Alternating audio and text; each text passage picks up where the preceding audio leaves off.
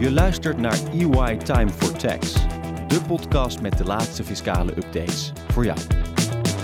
Over belastingen over winst, omzet en arbeid en belastingen in het nieuwe digitale tijdperk.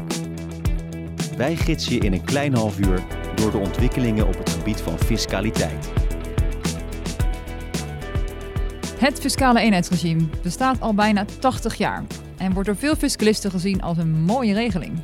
In de loop der tijd is de essentie van de fiscale eenheid weinig veranderd. Toch is het geen eenvoudige regeling. In deze aflevering van EY Time for Tax gaan we het hebben over de fiscale eenheid. Mijn naam is Linda Herms, fijn dat je luistert. Over de fiscale eenheid praat ik vandaag op afstand met Reinoud Kok, EY Partner International Tax and Transaction Services en natuurlijk expert fiscale eenheid. Welkom Reinoud. Onlangs noemde jij in jouw WFR-column de fiscale eenheid een mooie regeling. Kun je dat nog eens even toelichten voor ons? Wat betekent dat voor jou? Ja, ik vind het een, mooie regeling, omdat als je in artikel 15 lid 1 kijkt, dan zijn er eigenlijk maar een paar woorden. Hè, dat uh, de lichamen die zijn gevoegd in de fiscale eenheid worden behandeld alsof ze één belastingplichtige zijn. Dus dat zijn maar een paar woorden en die leggen eigenlijk een heel systeem uh, neer. Die maken een heel concept duidelijk. En tegenovergesteld daarvan zou zijn een regeling met heel veel woorden. En als je die hebt gelezen, dat je nog steeds niet weet wat er wordt bedoeld. Maar dit is vrij helder en de samenloop met andere regelingen in de, in de vennootschapsbelasting, ja, die vloeit er allemaal heel ja, natuurlijk uit, uh, uit voort. Dus daarom vind ik het een, een, mooie regeling. Je zegt het zijn weinig zinnen waarin de essentie wordt uitgelegd. Um, wat, wat is voor jou echt de essentie van de fiscale eenheid? Nou, de essentie is um, dat de belastingplichtigen die gevoegd zijn, uh, dat die worden behandeld alsof er één belastingplichtige is. En dat, en dat betekent een aantal uh, zaken. Dat er eigenlijk maar één resultaat is. Dus je hebt uh, automatisch horizontale resultatenverrekening, horizontale verliesverrekening. Ik denk dat dat ook voor veel mensen het belangrijkste voordeel van de fiscale eenheid is. Maar ook dat vermogensbestanddelen belastingvrij van het ene naar het andere lichaam kunnen overgaan. Want die zie je niet, die overdrachten van vermogensbestanddelen.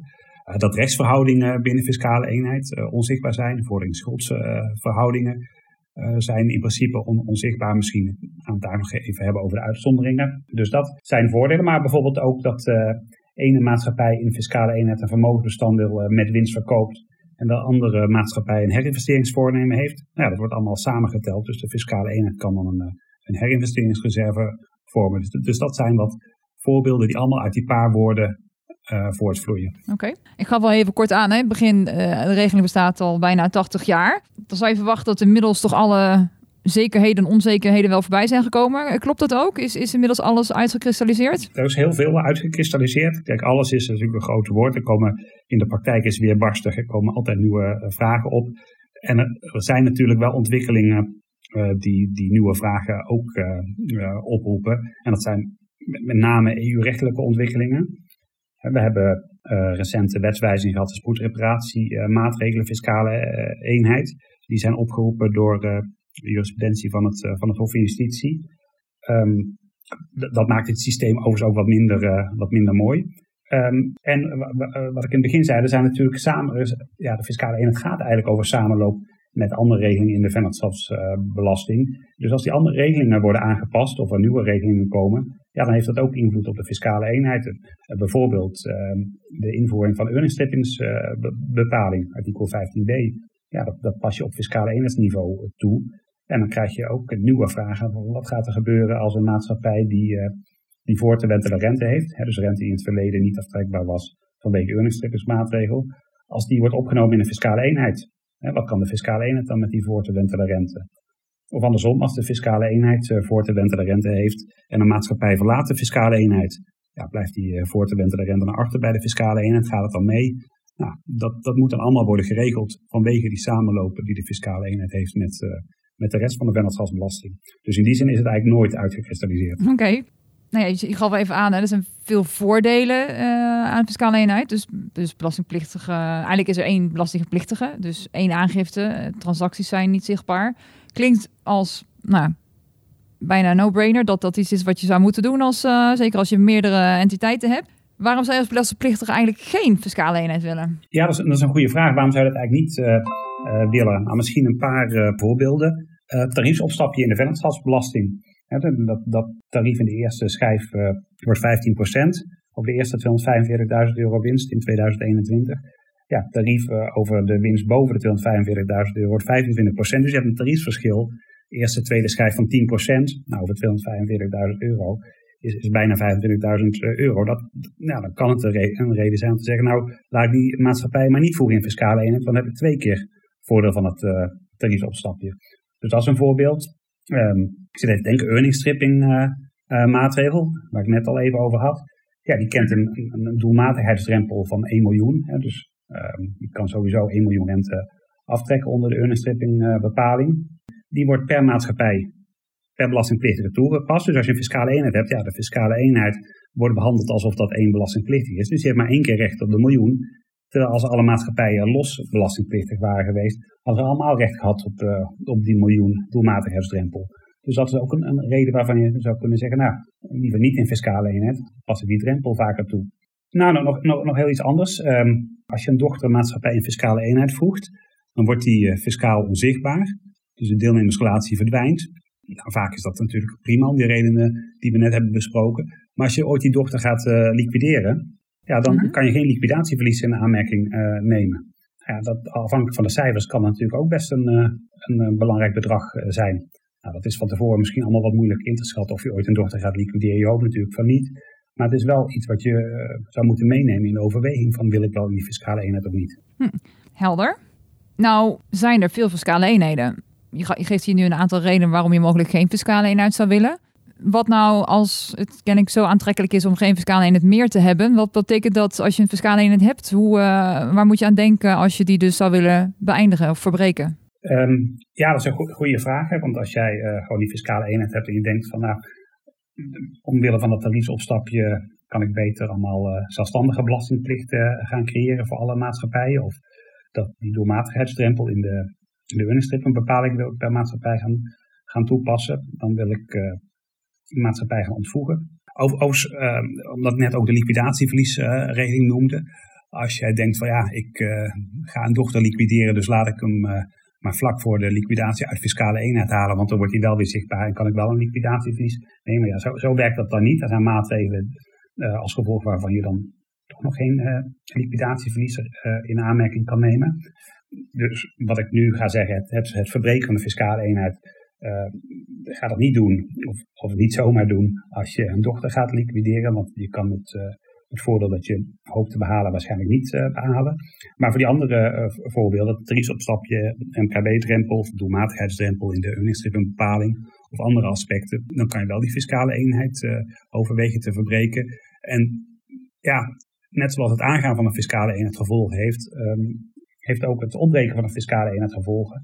Uh, bijvoorbeeld een, een, beroemde bepaling of beruchte bepaling, hoe je het ook uh, wil, wil, noemen, artikel 15 AI. Als je binnen fiscale eenheid hebt verschoven, geschoven met vermogensbestanddelen, uh, waarin stille reserve zat, ja, die zagen we niet, dus dat was prima. Dat was die geruisloze overdracht van vermogensbestanddelen binnen fiscale eenheid. Maar als dan die fiscale eenheid daarna verbreekt, ja, dan zegt de fiscus, ja, dan wel even afrekenen over die stille reserves. Als een soort anti-misbruikmaatregel. Um, dus dat is een heel uh, belangrijke. Uh, andere is, en dat kan denk ik in deze tijd misschien ook uh, spelen, uh, onderlinge vordering schuldverhoudingen. En die zijn onzichtbaar in een fiscale eenheid. Als je de fiscale eenheid opbreekt, dan worden die onderlinge vordering schuldverhoudingen weer zichtbaar. Er gelden waarderingsregels voor. Ja, dat leidt op dat moment niet tot heffing, maar kan vanwege de waardering die je moet toepassen wel in de toekomst gevolgen hebben. Dus dat zijn je, dat zijn wel dingen waar je naar moet kijken. Een fiscale eenheid verbreken, ehm, dat, dat, kan, dat kan tot problemen leiden. Lang niet altijd, maar je moet wel even uh, van geval tot geval uh, onderzoeken. Ja, dus eigenlijk als ik jou zo beluister, als je ofwel wil voegen naar een fiscale eenheid, ofwel wil ontbreken, zijn er altijd een aantal regels waar je stil moet worden gestaan. Uh, of op dat moment er wellicht toch consequenties zijn die ja, waar je rekening mee moet houden die je wellicht niet, niet verwacht hebt. Met name om misbruik te voorkomen. Om misbruik te uh, voorkomen zijn er regels. Um, ik zit nog even te denken, stel dat je denkt van nou, ik heb een fiscale eenheid uit, bestaande uit tien maatschappijen. En ik wil eigenlijk die fiscale eenheid opbreken. Maar ik wil niet met tien losse maatschappijen doorgaan. Dus weet je wat, ik verbreek de fiscale eenheid ergens bovenin. Maar onder in de fiscale eenheid, of wat de voormalige fiscale eenheid is, zit de vennootschap en die wil ik wel weer clusteren in een nieuwe fiscale eenheid. Hè, dat, zou, dat, dat zou kunnen. Mhm. Ja, dan heb je dus te maken met de regels bij opbreking. Maar als je dat nieuwe cluster, dat cluster weer in een nieuwe fiscale eenheid wil, eh, wil brengen, heb je ook te maken met de regels bij eh, voeging. En de samenloop van die regels bij opbreken van de fiscale eenheid, gevolgd zeg maar één seconde later door het vormen van kleinere fiscale eenheden, ja, die samenloop kan ook tot ongewenste, of ongewenste, ja, ongewenste of, of onverwachte gevolgen, eh, als we wat neutraler formulier eh, hebben. Bijvoorbeeld met die waardering van onderlinge vordering schuldverhouding. Maar ook bijvoorbeeld meegeven van verliezen. Je hebt een fiscale eenheid, een grote fiscale eenheid met verliezen. Je verbreekt die fiscale eenheid. Je zegt ik wil de verliezen meegeven aan elke losse dochtermaatschappij. Nou, prima. Maar als die losse dochtermaatschappij vervolgens weer met elkaar een kleinere nieuwe fiscale eenheid aangaan, dan zijn die verliezen zijn wel voorvoegingsverliezen geworden voor die nieuwe kleinere fiscale eenheid en dus beperkt um, aftrekbaar in de toekomst, of beperkt verrekenbaar in de toekomst. Um, dus dat, dat is wel een aandachtspunt. Er is in de fiscale eenheid niet sprake van wat wel een clusterbenadering wordt, wordt uh, genoemd bij ontvoering. Helder. Reinhard, heel actueel is de invoering van de baangerelateerde investeringskortingen vanaf hier uh, noemen de BIK. Uh, hoe is de samenloop met de fiscale eenheid voor die regeling? Hij is nog niet geïntroduceerd, maar aangezien we toch uh, hopen dat deze er komt, kun je daar wat meer over vertellen? Ja, die, die, die, die, die BIC geeft een, uh, een korting op je loonbelastingafdracht, afhankelijk van de hoeveelheid investeringen die je als belastingplichtige doet. Daarvoor geldt dat je die investeringen ook op fiscale eenheidsniveau bekijkt. Vervolgens ga je dan binnen fiscale eenheid één maatschappij aanwijzen die, uh, die BIC inhoudingsplichtig uh, is. Dus daar bereken je van uh, hoeveel afdrachtsvermindering je krijgt in de loonbelasting. En, en, die kan dat dan weer verdelen over de maatschappij die in de fiscale eenheid zit. Dat, dat, dat is wel belangrijk dat, dat dat zo gebeurt. Want ja, die BIC sluit aan bij investeringen en bij het hebben van personeel. als je een fiscale eenheid hebt, dan kan het natuurlijk best wel zijn dat je in één vennootschap alle mensen op de loonlijst staan, dat daar het personeel zit. Terwijl andere vennootschap investeringen plaatsvinden. Nou, als je dat niet op fiscale eenheidsniveau mag bekijken voor de BIC, eh, ja, dan heeft de maatschappij met investeringen, die heeft recht op de, de afdrachtsvermindering. Maar ja, die heeft helemaal geen afdracht, want die heeft geen, geen personeel. Maar omdat het gezamenlijk wordt uh, bekeken, uh, kan je dus als fiscale eenheid daar uh, effectief een beroep op doen. En is hier nou nog sprake van een drempel Um, zoals wat je aangaf bij uh, die EBITDA-regeling um, of, of de, de tariefdrempel, waardoor het minder gunstig is in de fiscale eenheid, of dat, is dat hier juist niet het geval? Um, die, die, die BIC is, is 3% uh, over de investeringen tot, uh, tot 5 miljoen en daarboven 2,44%. Nou ja, als je dus als fiscale eenheid dus alles samen telt, dan zit je sneller boven die, boven die 5 miljoen. En dan zit je sneller zeg maar, in dat lagere BIC-percentage. Dus dat kan ook een nadeel zijn. Oké. Okay.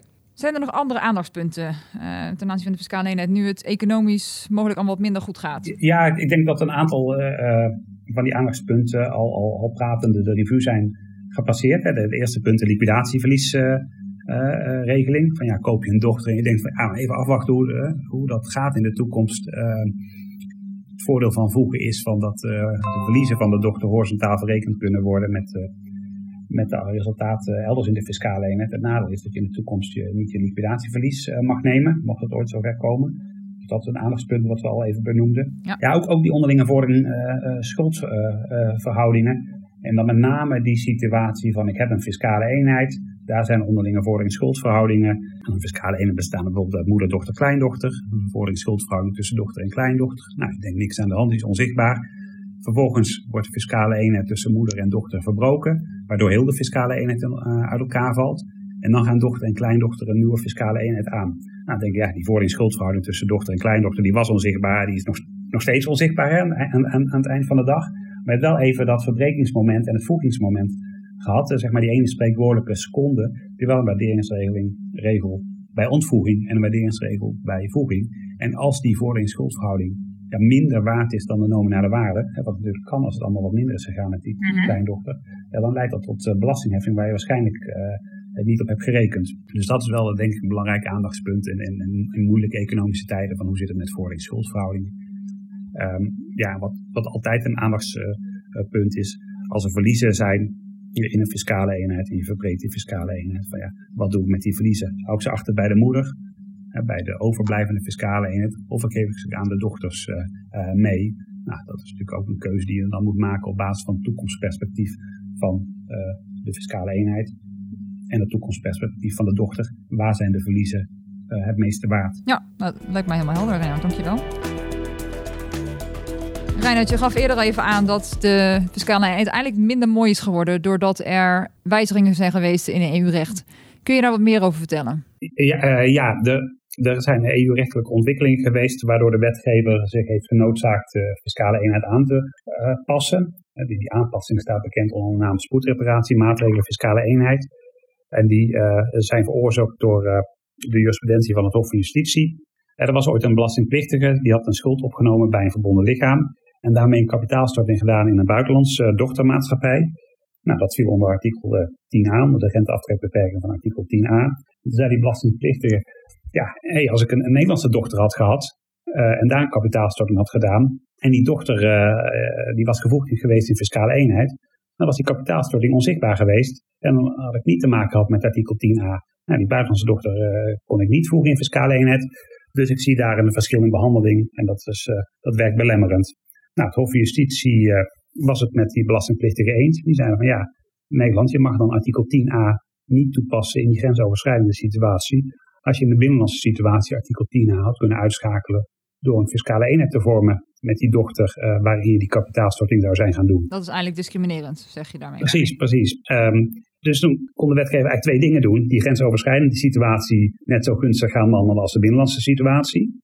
Of de binnenlandse situatie net zo slecht uh, gaan behandelen als een grensoverschrijdende situatie. Nou, de wetgever heeft voor dat laatste gekozen en daarom hebben ze in de wet eh, opgenomen, hè, die spoedreparatiemaatregelen. Uh, van voor de toepassing van een aantal artikelen in de wet op de vennootschapsbelasting moet je de fiscale eenheid negeren. En dat is bijvoorbeeld artikel 10a. En dat betekent dus dat je rechtshandelingen binnen uh, fiscale eenheid, maar ook voor een schuldverhouding binnen fiscale eenheid, moet je separaat gaan toetsen op de toepassing van artikel 10a. Waar we in het verleden zeiden van ja, het is toch onzichtbaar. Nee, moet je voor artikel 10a dat soort zaken uh, zichtbaar maken. Dus dat is een belangrijke aanpassing. Het is niet alleen 10a, er zijn ook andere bepalingen. Maar één die ook, ook erg belangrijk is. Uh, artikel 20a, tegen handel in verliesvennootschappen. Ook voor die bepaling moet je de fiscale eenheid negeren. Um, ja, en, dat, dat kan gevolgen hebben um, die je niet zo snel zou verwachten. Hè, omdat we natuurlijk al tientallen jaren in het systeem van het wegdenken zaten. Ja, helaas, voor sommige bepalingen is dat niet zo. Dus dat, ja, dat maakt de fiscale eenheid, zoals we constateerden, minder mooi. Ja. Ja, de essentie, zoals we die al eerder bespraken, lijkt daar dus mee eh, in ieder geval deels aangetast. Dan de laatste vraag. En dat is denk ik misschien wel een hamvraag. Hè? De fiscale eenheid, uh, zei je al, bestaat al bijna 80 jaar. Maar hoe ziet de toekomst er voor de fiscale eenheid nou uit? Niet zo goed eigenlijk. Van, vanwege de EU-rechtelijke ontwikkelingen hebben we natuurlijk de spoedreparatie uh, gehad, die al ja, wat, zeg maar wat kassen aanbrengt op dat, in het mooie systeem. En toen heeft de staatssecretaris ook gezegd van, ehm, ja, we gaan toch denken aan een nieuw systeem wat toekomstbestendig is. En Prinsjesdag heeft hij daar ook een brief over gepubliceerd, van wat, wat zijn denkbeelden voor de toekomst zijn. En ja, daar komt toch naar voren eh, dat hij eh, zegt van we moeten die fiscale eenheid gaan vervangen. Waarschijnlijk door een eh, systeem van verliesoverdracht. Dus dat hele systeem van we gaan alles, alle lichamen belasten alsof er één belastingplichtig is, dat gaat er overboord. Maar dan zou er mogelijkheid zijn van een horizontale verliesverrekening. Althans, daar, daar, gaat de gedachte naar uit. Alleen de staatssecretaris uh, zegt, ja, dat is allemaal heel ingewikkeld um, en um, dat kost uh, tijd.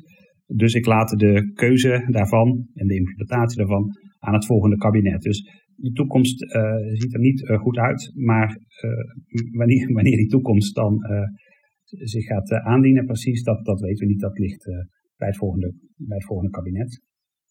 En dan, ja, dan, na ruim 80 jaar, je noemde het in het begin al even, ehm, zo lang bestaat de fiscale eenheid al. Bijna toch? Hij bestaat bijna 80 jaar, maar ik tel er nog een paar jaar bij voordat hij, uh, voordat hij wordt afgeschaft en vervangen ja. aan verliesoverdrachtsregeling. Ja, uh, moeten we dan afscheid nemen. Maar vind je het niet ook wel verstandig dat ze de tijd ervoor nemen? Aangezien het juist ook zo'n regeling is die zo lang bestaat en ook op dit moment natuurlijk nog bij, door heel veel uh, ondernemers wordt gebruikt? Ja, ik vind dat, uh, ik vind dat heel verstandig. Zo'n systeem van verliesoverdracht, dat, dat klinkt eenvoudig. maar roept ook heel veel vragen op. Ehm, in de brief van de staatssecretaris wordt al een aantal van die vragen aan de orde gesteld. Ik heb zelf ook een, een, artikel over geschreven waar ik wat aandachtspunten op een rijtje heb gezet bij het vormgeven van zo'n verliesoverdrachtssysteem, verliesoverdrachtsregeling. Ja, dat zijn wel dingen waar je goed over moet nadenken. Je moet ook goed nadenken uh, over overgangsrecht. En al die, al die tienduizenden fiscale eenheden die er zijn. Um, de staatssecretaris heeft eens, genoemd dat er 200.000 fiscale eenheden uh, zijn. Ja, die gaan dan van het oude systeem naar het nieuwe systeem. Dat moet ook wel uh, goed ingekaderd worden. Dus ik, ik vind het helemaal terecht dat dat niet op stel en sprong gebeurt. Overhaast gebeurt. En jij kent de fiscale eenheid door en door. Hoop je dat, uh, denk je dat een nieuwe regeling net zo mooi kan worden? Um, ik, ik, ik, denk het, uh, ik denk het niet. Maar met een beetje goede wil en wat goed nadenkwerk kan het misschien ook nog wel, wel mooi worden. Maar zo mooi als het was, uh, dat denk ik niet. Dankjewel Reinoud. Wil je op de hoogte blijven van alle fiscale actualiteiten en ontwikkelingen en wat dat voor zakelijk Nederland betekent? Abonneer je dan op EY Time for Tax via iTunes of Spotify en hou onze website in de gaten: ey.nl/slash. En laat ons natuurlijk weten wat je van deze serie vindt. Geef ons sterren of een review in iTunes. Mijn naam is Linde Herms. Tot de volgende keer.